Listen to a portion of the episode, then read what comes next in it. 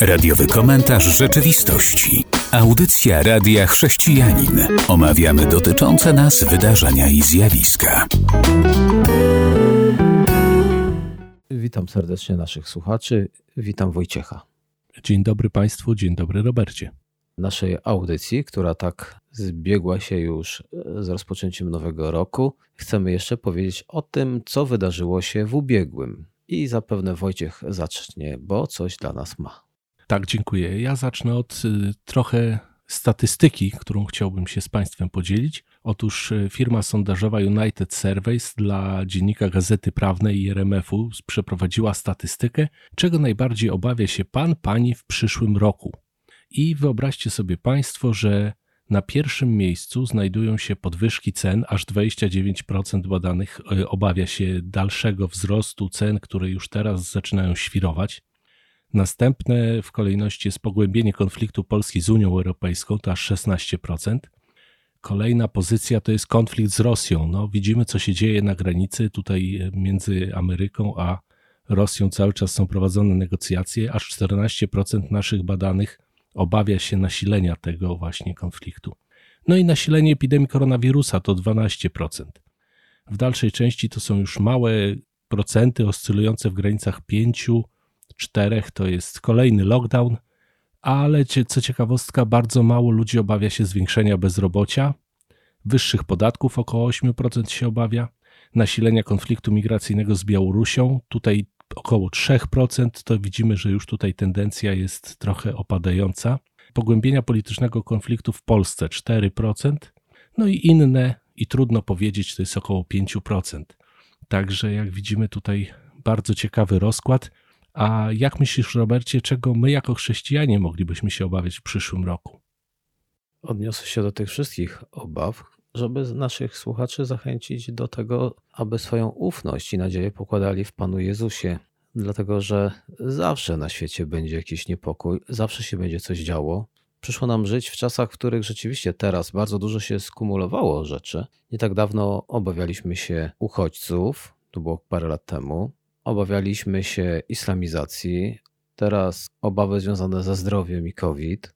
Pojawiły się, tak jak właśnie w tych danych, obawy na granicy.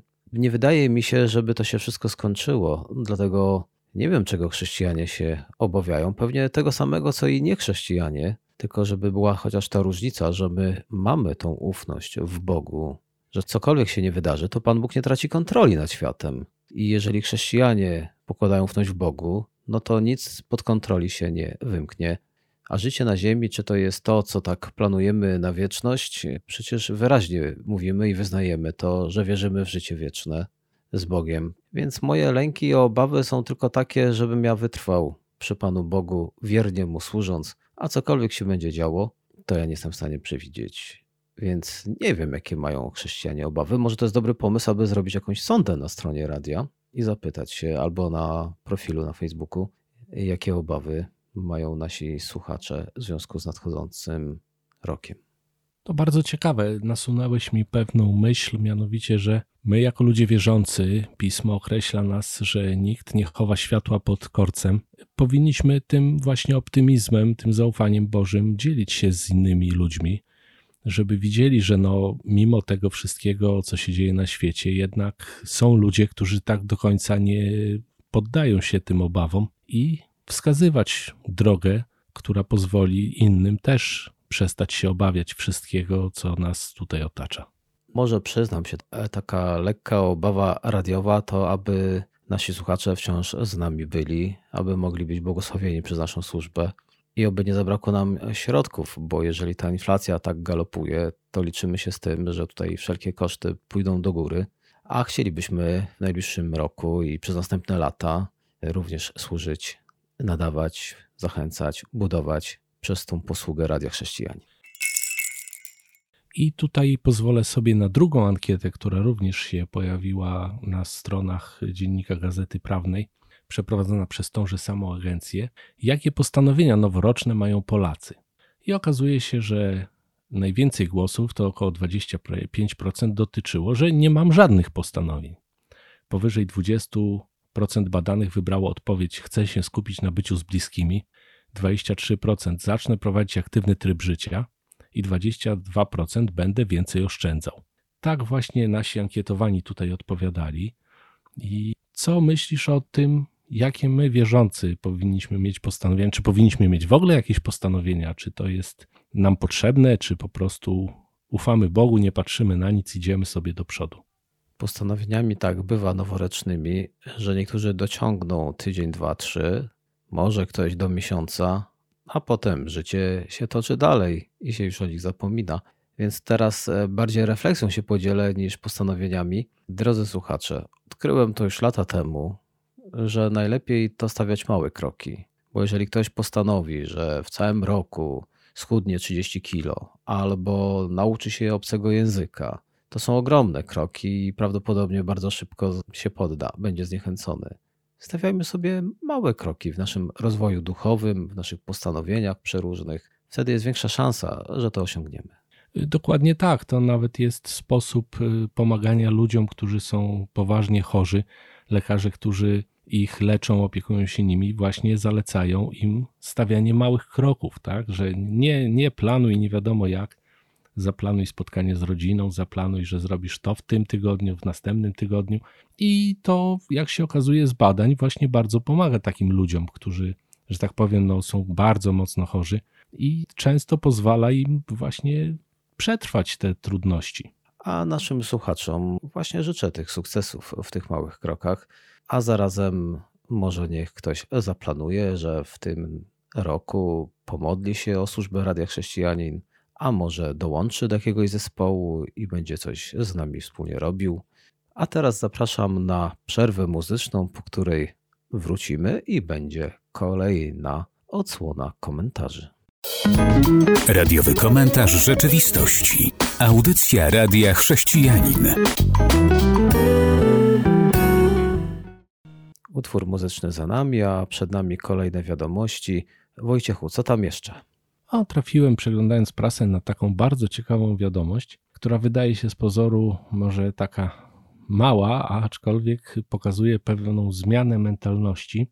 Otóż Rosja, która w naszej świadomości często jest postrzegana jako kraj, w którym wszystko można załatwić za łapówkę, za jakiś taki właśnie y, prezent ofiarowany urzędnikowi albo komuś od kogo coś zależy. No właśnie nagłośniono sprawę, że gubernator rosyjskiego obwodu penzeńskiego nagrodził wicegubernatora za to, że ten odmówił przyjęcia łapówki. I tutaj widać właśnie taki mały jasny punkt, takie światełko w tunelu. Otóż temu urzędnikowi za załatwienie konkursu na stanowisko szefa lokalnej administracji zaoferowano 167 tysięcy złotych. To 3 miliony rubli w przeliczeniu 167 tysięcy złotych. Tenże człowiek odmówił. Poszedł z tym oczywiście do swego szefa, zgłosił. Tam y, zostały przeprowadzone w, w, wobec tych właśnie proponujących łapówkę odpowiednie procedury prawne, a Tenże właśnie zgłaszający otrzymał premię w wysokości 47 tysięcy rubli, to jest 2600 zł na nasze pieniądze. I oczywiście nagłośniono tą sprawę, żeby dawać innym dobry przykład. Y, dlaczego mówię, że tak postrzegamy? Otóż mam przyjaciela, który mieszka na Ukrainie, to no jest tak zbliżony kraj mentalnie do Rosji jeszcze. On właśnie jest y, szefem telewizji tamtejszej, takiej lokalnej, i opowiadał mi, że żeby wejść na szerszy teren, żeby objąć nadawaniem szerszy teren, musi niestety zapłacić potężną łapówkę. Tam do tego stopnia jest to rozrośnięte, że nawet człowiek, który siedzi na dole przy wejściu, jeżeli nie otrzyma odpowiedniej zachęty, też nie wskaże nawet drogi, gdzie powinno się udać ze swoją sprawą. Także miejmy nadzieję, że to będzie się poprawiać również tam, bo to dotyka też przecież i ludzi wierzących w tych krajach, którzy też, żeby cokolwiek uzyskać, muszą e, przekazywać potężne pieniądze w postaci łapówki. A na szczęście, według badań, które były przeprowadzone ostatnio, w Polsce ten proceder został bardzo mocno ukrócony. Jest on poddawany bardzo mocnemu ostracyzmowi społecznemu i to cieszy, bo jednak, właśnie jak mówi pismo, łapówka zaciemnia każdą sprawę chrześcijanie na pewno są w trudnej sytuacji, bo jeżeli nie chcą dawać łapówki, no to prawdopodobnie będzie im trudno cokolwiek załatwić. Byłem w jednym, w jednym z krajów byłego Związku Radzieckiego kiedy te kraje zaczynały odzyskiwać e, swoją tożsamość. I opowiedzieli mi chrześcijanie, że tam nadal wtedy była ta mentalność, że tam nic nie dało się załatwić, jeżeli się dodatkowo nie zapłaciło. Więc mam nadzieję, że to wszystko rzeczywiście się skończy, albo niech to zalegalizują. Słyszałem o pewnym kraju parę lat temu, gdzie jest to jak najbardziej było dopuszczone. U nas to się pewnie nazywa napiwek, kiedy dajemy coś więcej i nie jest to fakturowane, ale pewnie i to się u nas skończy. A tam można było do jakiejś kwoty można było takie pieniądze dać i to w świetle tego prawa państwowego było dopuszczalne.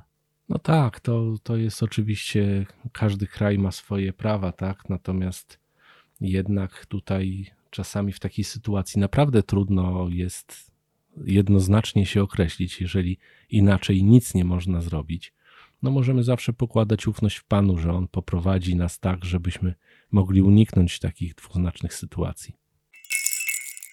A teraz e, może przenieśmy się tak e, na chwilę do Chin, a może dokładnie do TikToka. Chciałbym ostrzec rodziców, że TikTok to niekoniecznie jest e, piękne narzędzie, bo jak przeprowadzono pewną analizę i informuje o niej Daily Mail, filmy TikTok z hashtagiem trans obejrzano ponad 26 miliardów razy. A te filmy często przedstawiają młodych ludzi, którzy dokumentują w zabawny, beztroski sposób różne eksperymenty hormonalne ze skutkiem często nieodwracalnym, które zmieniają ciało, bo są usuwane co niektóre organy, więc chodzi o to, aby wyglądać bardziej na inną płeć niż się jest, no bo się mężczyzna czuje kobietą lub odwrotnie. Ten popularny serwis społecznościowy był podobno najbardziej odwiedzano w Wielkiej Brytanii w zeszłym roku poprzez ich aplikację i rodzice Wielkiej Brytanii są coraz bardziej zaniepokojeni, że aplikacja podsyca to pragnienie tej identyfikacji innej niż dane dziecko się urodziło. To może taka uwaga. Czy nie sądzisz, że rodzice wciąż jednak mają wielką odpowiedzialność, no i powinni chyba jednak e, wciąż poczuwać się do tego, no bo te takie małe dzieci wychowane na TikToku i na innych serwisach społecznościowych mogą później nas mocno zaskoczyć. No oczywiście tutaj każde narzędzie może służyć dobrym celom, każde narzędzie może być wykorzystane w sposób niewłaściwy. Ja jakby tutaj jestem tak trochę, powiem tak, rozerwany, bo z jednej strony fajnie mieć jakieś narzędzie, które daje możliwość poznania ludzi, tak, poszerzania swojej wiedzy, ale z drugiej strony, jeżeli właśnie ono jest wykorzystywane w taki sposób, no to właśnie poprawność polityczna zachodnia powoduje to, że oni tego nie będą blokować, bo chcą, żeby wszyscy jakby uważali, że tak jest dobrze, tak jest ładnie, tak jest poprawnie. I to często powoduje właśnie w dzieciach, które jakby nie mają takiej oceny jeszcze wyrobionej sytuacji, są przyzwyczajone od małego, że takie właśnie zachowania, które dorosły uznałby za niewłaściwe, dziecko przez jakiś czas indoktrynowany niestety będzie uważać takie zachowania za właściwe. Trochę tutaj widzę taką sytuację, że jeżeli by państwo zaczęło reagować, zaraz by powstała krytyka, że to cenzura, że to jest niewłaściwe zachowanie ze strony urzędów, aczkolwiek myślę, że taka cenzura jest jednak potrzebna, może nie w takim znaczeniu, że wszystko jest kasowane tak, jak mieliśmy to możliwość oglądać podczas komuny w Polsce. Tam cenzura była właśnie taka, ona kasowała wszystkie rzeczy, łącznie z krytyką władzy. Natomiast myślę, że jednak taki ktoś jak właśnie cenzor, recenzent powinien się pojawić. Takie treści jednak powinny być bardzo mocno ograniczane właśnie typowo dla osób dorosłych, które no mogą sobie już wybrać, co chcą. Natomiast dzieci powinny być bardzo mocno chronione przed takimi rzeczami. Może nie będę się wypowiadał odnośnie cenzury przez państwo, ale na pewno rodzice muszą sobie wziąć to do serca, bo własne dane TikToka pokazują, że dzieci w wieku od 4 roku życia do 15 korzystają z usługi średnio przez 69 minut dziennie. Dlatego, drodzy rodzice, opiekunowie, nie czekajmy na jakieś regulacje państwowe, bo być może nigdy ich nie będzie i to nie jest też ten kierunek, ale my rozmawiajmy z dziećmi częściej i zapytajmy się, co on tam takiego widział na TikToku. A teraz Wojciech. Tutaj właśnie troszkę nawiążę do tego, tylko z innej strony można powiedzieć jeszcze trochę statystyki, pozwolę sobie Państwu zacytować. Przeprowadzono w naszym kraju przez y, Uniwersytet Warszawski ocenę właśnie praworządności w Polsce i te badania są bardzo, że tak powiem, zastraszające, ponieważ wynika z nich, że praworządność w Polsce zanika, a zaufanie do sądów jest takie, jak było w PRL-u. Tu zdaniem respondentów y, przejrzystość procesów i podejmowanych decyzji przez rząd i dostępność do sądów, koszty, czasochłonność oraz przestrzeganie przepisów prawa i wyroków sądowych przez rząd i inne organy władzy są bardzo źle oceniane. Jak się okazuje, tutaj profesor Jacek Kurczewski, który prowadził teże badania, stwierdził, że nie tylko właśnie wśród prawicy, która teoretycznie popiera rząd i wszystkie jego działania, wśród lewicy, wśród centrum, wśród prawicy są, jest to bardzo źle postrzegane. Nasze sądy, które miały być zreformowane, wychodzi na to, że niestety ta reforma nie była tak dobra, jak chciano by, żeby była. Zdaniem Polaków tutaj praworządność w Polsce naprawdę jest mocno zachwiana mianowicie 49% tutaj stawia na to, że urzędnicy powinni być nieprzekupni, to o czym mówiliśmy wcześniej. Stałość prawa, jasność przepisów została bardzo negatywnie oceniona i przestrzeganie przepisów prawa i wyroków sądowych przez rządy i inne organizacje władzy zostały również bardzo negatywnie ocenione. No jest to trochę smutne, bo wydawałoby się, że idziemy w dobrym kierunku, a jednak badania pokazują co innego. Jeżeli rzeczywiście tak idziemy w tym kierunku, to jest to smutne, ale gmatwanie i utrudnianie zrozumienia prawa to jest to obecne od 30 lat. Cieszymy się wolnością w narodzie, ale tych przepisów prawnych przybywa. Potem jest komentarz do danego przepisu w Urzędzie Skarbowym w województwie śląskim i jest komentarz w województwie mazowieckim i one są całkiem inne. To mówię z doświadczenia, bo pewnej rzeczy nie mogę zrobić z kimś, kto jest na Śląsku, za to mogę zrobić to z kimś, kto jest w województwie mazowieckim, bo inna interpretacja. Więc jak my tu, biedni, możemy sobie z tym poradzić? Tak, byłoby cudownie, gdyby państwo szło w tym kierunku, żeby prawo było jasne i zrozumiałe i wiele innych regulacji prostych, ale teraz jeszcze odniosę to do chrześcijan. I drodzy chrześcijanie, my, kiedy rozmawiamy o wielu ważnych rzeczach, też gmatwamy ten temat. Także ktoś, słuchając nas o Panu Jezusie, nie bardzo wie o co nam chodzi. Więc y, nie tylko krytykujmy, że państwo gmatwa, to wszystko tak, że nie wiemy o co chodzi, ale zwróćmy uwagę też, kiedy my rozmawiamy z kimś o Panu Jezusie, używając języka, który jest niezrozumiały, a potem się dziwimy, że ten człowiek nie chce nas słuchać. Pewnie, że nie chce, jak on nie rozumie, co my do niego mówimy, albo może wręcz rozumie coś innego, niż my chcemy przekazać. Prostota jest czymś pięknym. Nie prostactwo, prostota. A teraz e, przerwa muzyczna, a po niej będzie część trzecia. Radiowy komentarz rzeczywistości. Audycja Radia Chrześcijanin. Dziękuję, że zostaliście z nami. Kolejna część audycji Radiowy komentarz rzeczywistości. A teraz chciałbym wspomnieć o czymś, co podaje serwis wprawdzie biznesowy, ale dotyczy chrześcijan. Zmiany na religijnej mapie świata i podtytuł Gospodarcza dominacja chrześcijan coraz mniej oczywista.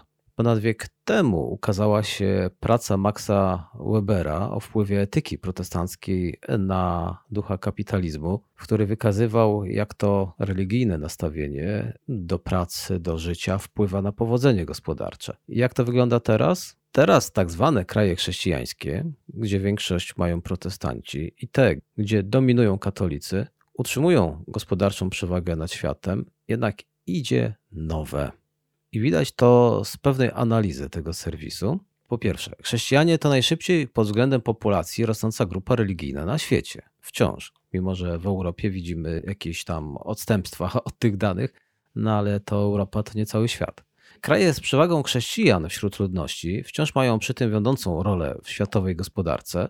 Najbardziej widać to w przypadku tak zwanych krajów protestanckich, tam gdzie jeszcze jest ta kultura, ale najsłabiej radzą sobie kraje, gdzie jest dominacja prawosławia.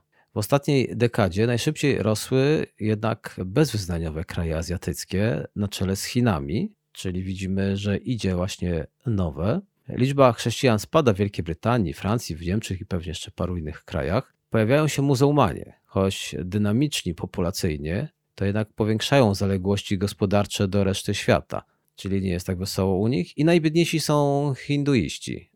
Ostatnia dekada to jednak dla nich awans gospodarczy, jak pisze serwis, a i ludnościowo przerastali bardzo szybko. Najbardziej zamożni są według tych szacunków, które tutaj przeprowadził ten serwis y, Business Insider, to wyznawcy judaizmu, a zaraz za nimi plasują się protestanci.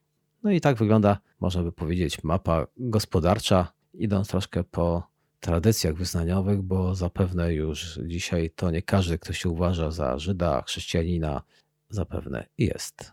No tak, to ciekawa statystyka, natomiast tutaj mogę domniemywać, że właśnie często ludzie wierzący starają się trochę tą etykę do biznesu wprowadzać, że nie tylko za wszelką cenę się bogacić. Miejmy nadzieję, że właśnie takimi, że tak powiem, się kierują wytycznymi z pisma, tak, wytycznymi, które wynikają z wiary w Pana Jezusa.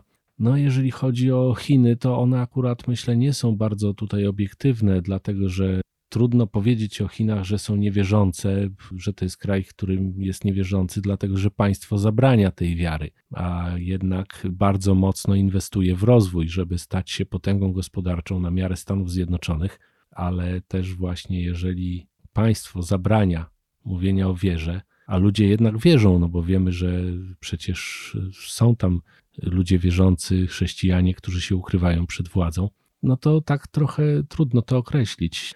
No i właśnie kraje, gdzie panuje religia islamu, tam oczywiście jest to część krajów biednych, natomiast te, które mają ropę, na pewno są bardzo zamożne i oni sobie mogą pozwolić na właśnie bardzo dostatnie życie.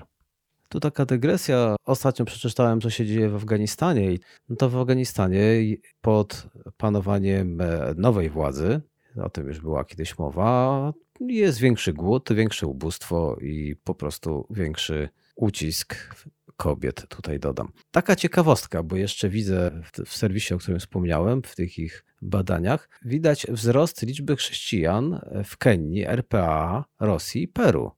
Każdym z tych krajów, jak oni sobie to odnotowali, populacja chrześcijan wzrosła o ponad 30 milionów osób od 2010 roku.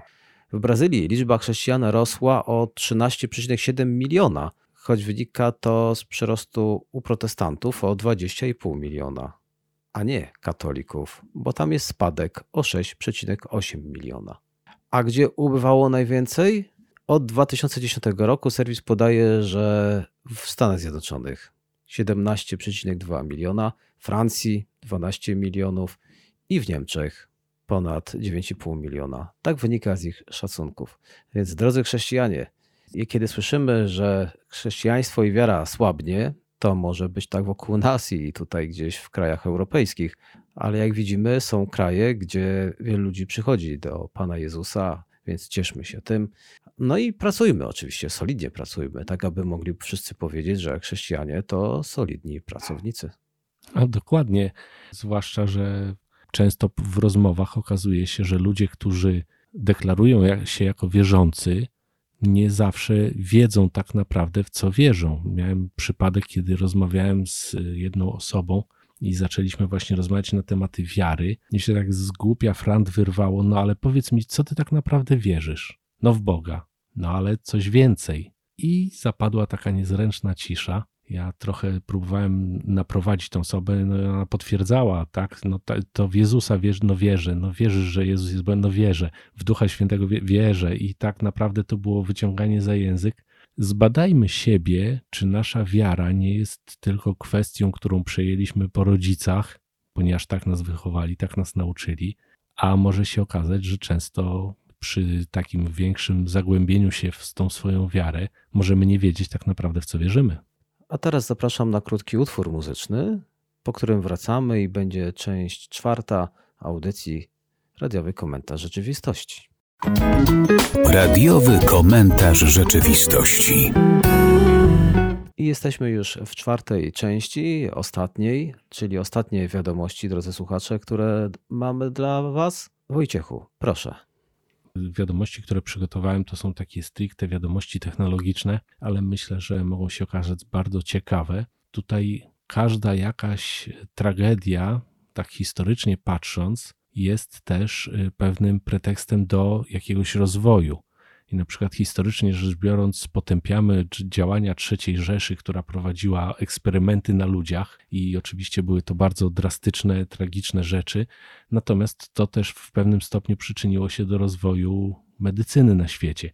Oczywiście nie pochwalamy tego, aczkolwiek no, pewne ich badania zostały po wojnie znalezione przez uczonych, przeanalizowane. I wyobraźcie sobie Państwo, że tak samo dzieje się teraz y, przez COVID. Może nie, nie, to nie chodzi o takie już drastyczne rzeczy, natomiast właśnie epidemia COVID-19 wywołała gigantyczny skok technologiczny, jeżeli chodzi o rozwój sztucznej inteligencji. I właśnie ostatnio wybuch bardzo wielki skandal w jednej z globalnych korporacji, która to podczas rekrutacji pracowników bardzo dyskryminowała kobiety, a oni właśnie, żeby sobie ułatwić pracę, przeprowadzili rekrutację przy pomocy sztucznej inteligencji, która przeglądała wszystkie te życiorysy złożone, te wszystkie papiery i właśnie preferowała mężczyzn. Oczywiście jest to wynik tego, że ktoś to tak zaprogramował, ktoś napisał program, który właśnie bardziej preferował mężczyzn, Aczkolwiek, jak widzimy, cyfryzacja w bardzo poważny sposób zmieniła to, w jaki sposób się komunikujemy, pracujemy, spędzamy wolny czas. Więc zważajmy na to, co się wokół nas dzieje, zachowujmy zdrowy rozsądek. To jeżeli mówimy już o cyfryzacji, to taka ciekawostka. Jak to napisał komputer świat. Nie zaszczepisz się, nie podłączą ci internetu. Jeden z polskich dostawców podjął decyzję. Byłem taki ciekawy o co chodzi, no i się dowiedziałem, że lokalna firma z Łodzi wpadła na dosyć nietypowy, jak na ten czas, pomysł, bo odmówiła podłączania do sieci klientów, jeśli ci nie okażą certyfikatu zaszczepienia. I co się stało? No, wylało się sporo hejtu na firmę, więc nie chcę teraz dyskutować, czy się szczepić, czy nie szczepić, tylko dlaczego firma prywatna nie może decydować, komu chce podłączyć, a komu nie, że ktoś obrażony będzie wylewał y, jakieś pomyje. Właściciel uzasadnił to, że jego pracownicy też mają dzieci i też y, rodziny i chciałby, aby oni nie musieli być narażani na zachorowanie. Więc do czego zmierzam? Do tego, że właściciel prywatnej firmy powinien mieć prawo zdecydowania, komu instaluje, kiedy instaluje, a nie żeby ktoś się obrażał z tego tytułu, już nie mówiąc o tym, żeby jeszcze hejtował taką firmę. No to taka dygresja odnośnie technologii i warunków. No tak, to bardzo ciekawa informacja, bo ja zanim powiedziałeś o motywach tego przedsiębiorcy, trochę też wydawało mi się, że to takie trochę słabe. Natomiast te motywacje są bardzo zasadne, bo to, to fajnie, że szef dba o swoich pracowników, żeby nie musieli być narażeni, tak nie narażali siebie rodzin. To jest fajna motywacja. Natomiast zastanawiam się, jak on chce, jak z punktu widzenia prawnego, jak chce sprawdzać, kto jest zaszczepiony, czy nie, bo tak naprawdę na dobry ład i skład to jedynie może się posługiwać tylko oświadczeniem takiego kogoś, kto zechce być podłączony. Nie wiem, to trudna sprawa. Bardziej chciałem zaakcentować, że prywatna firma powinna mieć prawo do podejmowania swoich decyzji, a klient nie powinien się obrażać, tylko powinien powiedzieć: Dobra, jak nie chcecie wy zarobić, pójdę do konkurencji. Dokładnie no i cała tak. filozofia. No, drodzy słuchacze, biznes prywatny powinien kierować się jakimiś swoimi wytycznymi. Dajmy prawo ludziom podejmować jakieś decyzje. Będzie konkurencja nie możesz kupić w tym sklepie, bo nie sprzedają ci bez laktozy produktów, to idź do drugiego sklepu i tamtym daj zarobić. Choć oczywiście możesz e, zaproponować takiej pani właścicielce czy właścicielowi, aby coś e, zmienił, ale jak nie chce, to przecież nie musisz na niego psioczyć. No po prostu idź i daj zarobić komuś innemu. Teraz krótka przerwa muzyczna, po której wracamy i jeszcze ostatnie dwie wiadomości z ubiegłego roku. Radiowy komentarz rzeczywistości. Witam po przerwie. Przed nami ostatnie dwie wiadomości z ubiegłego roku.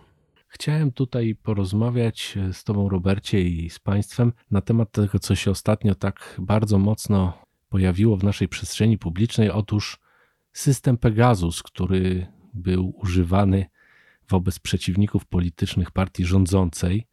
Zostało to ujawnione i tutaj bardzo dużo się o tym mówiło.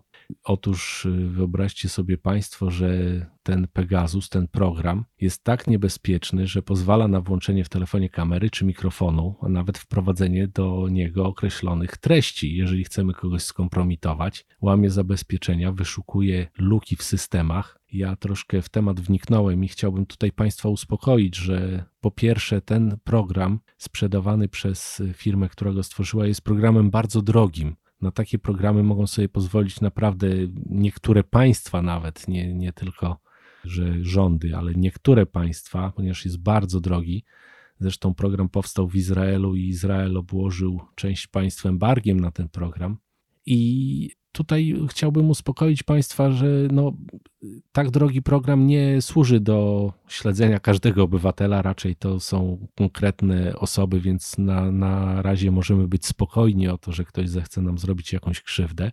Natomiast tutaj w naszym państwie y, odbyło się to w bardzo nieciekawy sposób. Na przykład y, pan pułkownik Paweł Białek, wiceszef ABW w latach 2007-2012, stwierdził wyborczej, że wszystko zależy od tego, czy inwigilacja Pegasusem odbywała się za wiedzą i zgodą prokuratury i sądu, no bo przecież państwo też nie może sobie tak dowolnego obywatela śledzić, bo tak mu się rzewnie podoba. Tutaj e, inni e, ludzie, którzy w tej sprawie mają coś do powiedzenia, właśnie prawnicy też stwierdzili, że to jest bardzo kontrowersyjny temat, bardzo, że tak powiem, nieładnie się tu zachowały osoby, które doprowadziły do tego, że byli obywatele naszego kraju podsłuchiwani z zastosowaniem tego programu. Natomiast pan premier Morawiecki chciał właśnie wyjść jakby z twarzą i stwierdził, że nie ma takiej wiedzy, że coś takiego, czyli śledzenie pana Giertycha, czy pana Krzysztofa Brejzy, czy pani prokurator Wywrzosek miało miejsce. No, zobaczymy, sprawa się rozwija, natomiast chciałbym tutaj to ta moja wypowiedź była przyczynkiem do tego, żebyście Państwo byli spokojni. No raczej mała szansa jest na to, że państwo zechce każdego z obywateli podsłuchiwać, ponieważ ten program jest naprawdę drogi i nie bardzo jest sens wykorzystywać go do śledzenia każdego obywatela, a tylko raczej przeciwników politycznych, jak widać z naszego tutaj tego artykułu. No to czuję się teraz już znacznie lepiej. Pocieszyłeś mnie. Mogę teraz dalej korzystać z telefonu, ale co wcale nie oznacza, że bezpiecznie zawsze będzie, bo nie chodzi o, ten system, ale po prostu o inne programiki, które ktoś próbuje zainfekować i wykraść o nas dane. Także też uważajmy. Rzadko ktoś tak zaobserwowałem, na telefonie instaluje jakieś oprogramowanie zabezpieczające typu antywirus i inne, no bo, bo to tylko telefon. Może warto o tym pomyśleć. Jeżeli ktoś by mnie tak inwigilował, to ja się nawet tego nie obawiam, dlatego że to, co robię na tym telefonie i to, co oglądam i to, co mówię, nawet byłbym za tym, jakby ktoś chciał posłuchać, to bym go nawet dopuścił. Dowiedziałby się pewnie o wielu bardzo fajnych rzeczach, o bożych rzeczach Czasami ktoś do radia zadzwoni, podzieli się jakimś świadectwem. No może by wypłynęło, no ale trudno, no to są świadectwa. Nie rozmawiamy o rzeczach bardzo prywatnych, a jeśli nawet jakieś prywatne moje wyciekną, to ja się nawet ich nie wstydzę. O, to właśnie świetnie to podsumowałeś, bo y, możemy też zbadać siebie, do czego używamy naszego sprzętu, czy jeżeli ktoś zechciałby tam wniknąć w jakiś sposób nawet nielegalny, czy mielibyśmy się czego wstydzić. No to teraz już ostatnia wiadomość na dzisiaj. Chodzi o Indię. Ten kraj, dosyć duży, dzisiaj już był wymieniony, postanowił zablokować zagraniczne darowizny na rzecz chrześcijańskich organizacji. Między innymi zablokował darowizny na rzecz organizacji charytatywnej Matki Teresy i z tego też powodu zrobiło się teraz głośno. Ale to nie jest jedyna organizacja, która została zablokowana i nie będzie darowizn na pracę misyjną, za tym idzie tak naprawdę charytatywną. Ta założona przez rzymskokatolicką zakonnicę organizacja, czyli misjonarki miłości, już wiedzą, że pieniążków z zagranicy pewnie nie będzie. To nie jest jedyna. bo w 2017 roku chrześcijańska organizacja, która pomaga dzieciom, Compassion International, która pomogła 147 tysiącom dzieci w Indiach, zaprzestała działalności w tym kraju po tym, jak zablokowano jej możliwość otrzymywania zagranicznych funduszy. Kongres Stanów Zjednoczonych napisał list do indyjskiego ministra, aby się wstawić i powiedzieć: No, kochani, no my chcemy wam pomagać, a wy nie chcecie pieniędzy. Nie wiem, jak to dalej będzie się ciągnęło i nie wiem, co tam było. Ponadto w 2017 roku Indie również odcięły służbę pewnego kościoła, który też prowadził taką pracę i też teraz pieniędzy tam nie będą mogli otrzymać. W 2020 roku rząd Indii zakazał sześciu innym grupom chrześcijańskim otrzymywania zagranicznych funduszy, więc i kościoły, ale również organizacje charytatywne zostały pozbawione takiej możliwości. Widzimy, że Indie idą w złym kierunku.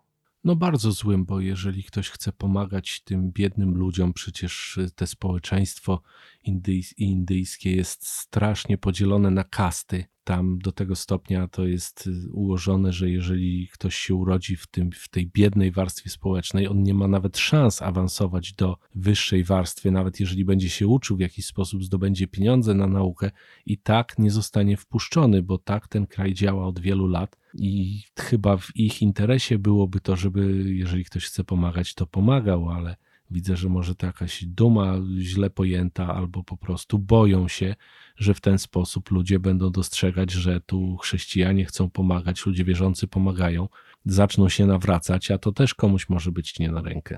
Prawdopodobnie tak, i myślę, że też ma wpływ na to zwykła ich religia, która mówi, że jeżeli ktoś urodził się w danej grupie, to widocznie na to sobie zasłużył, czyli prawo karmy. I on powinien sobie tak teraz przeżyć, a potem może wzniesie się przy nowych narodzinach e, wyżej. A jak coś nawalił, to spadnie niżej. A Indie plasują się na dziesiątym miejscu, jeśli chodzi o cały świat, gdzie chrześcijanie są prześladowani, według pewnej to listy. To tą wiadomością chyba już pożegnamy naszych słuchaczy. Życzymy Bożych błogosławieństw jak najwięcej w tym nowym roku 2022, każdemu bez wyjątku. Wszystkiego najlepszego. Do usłyszenia. Do usłyszenia. Był to radiowy komentarz rzeczywistości.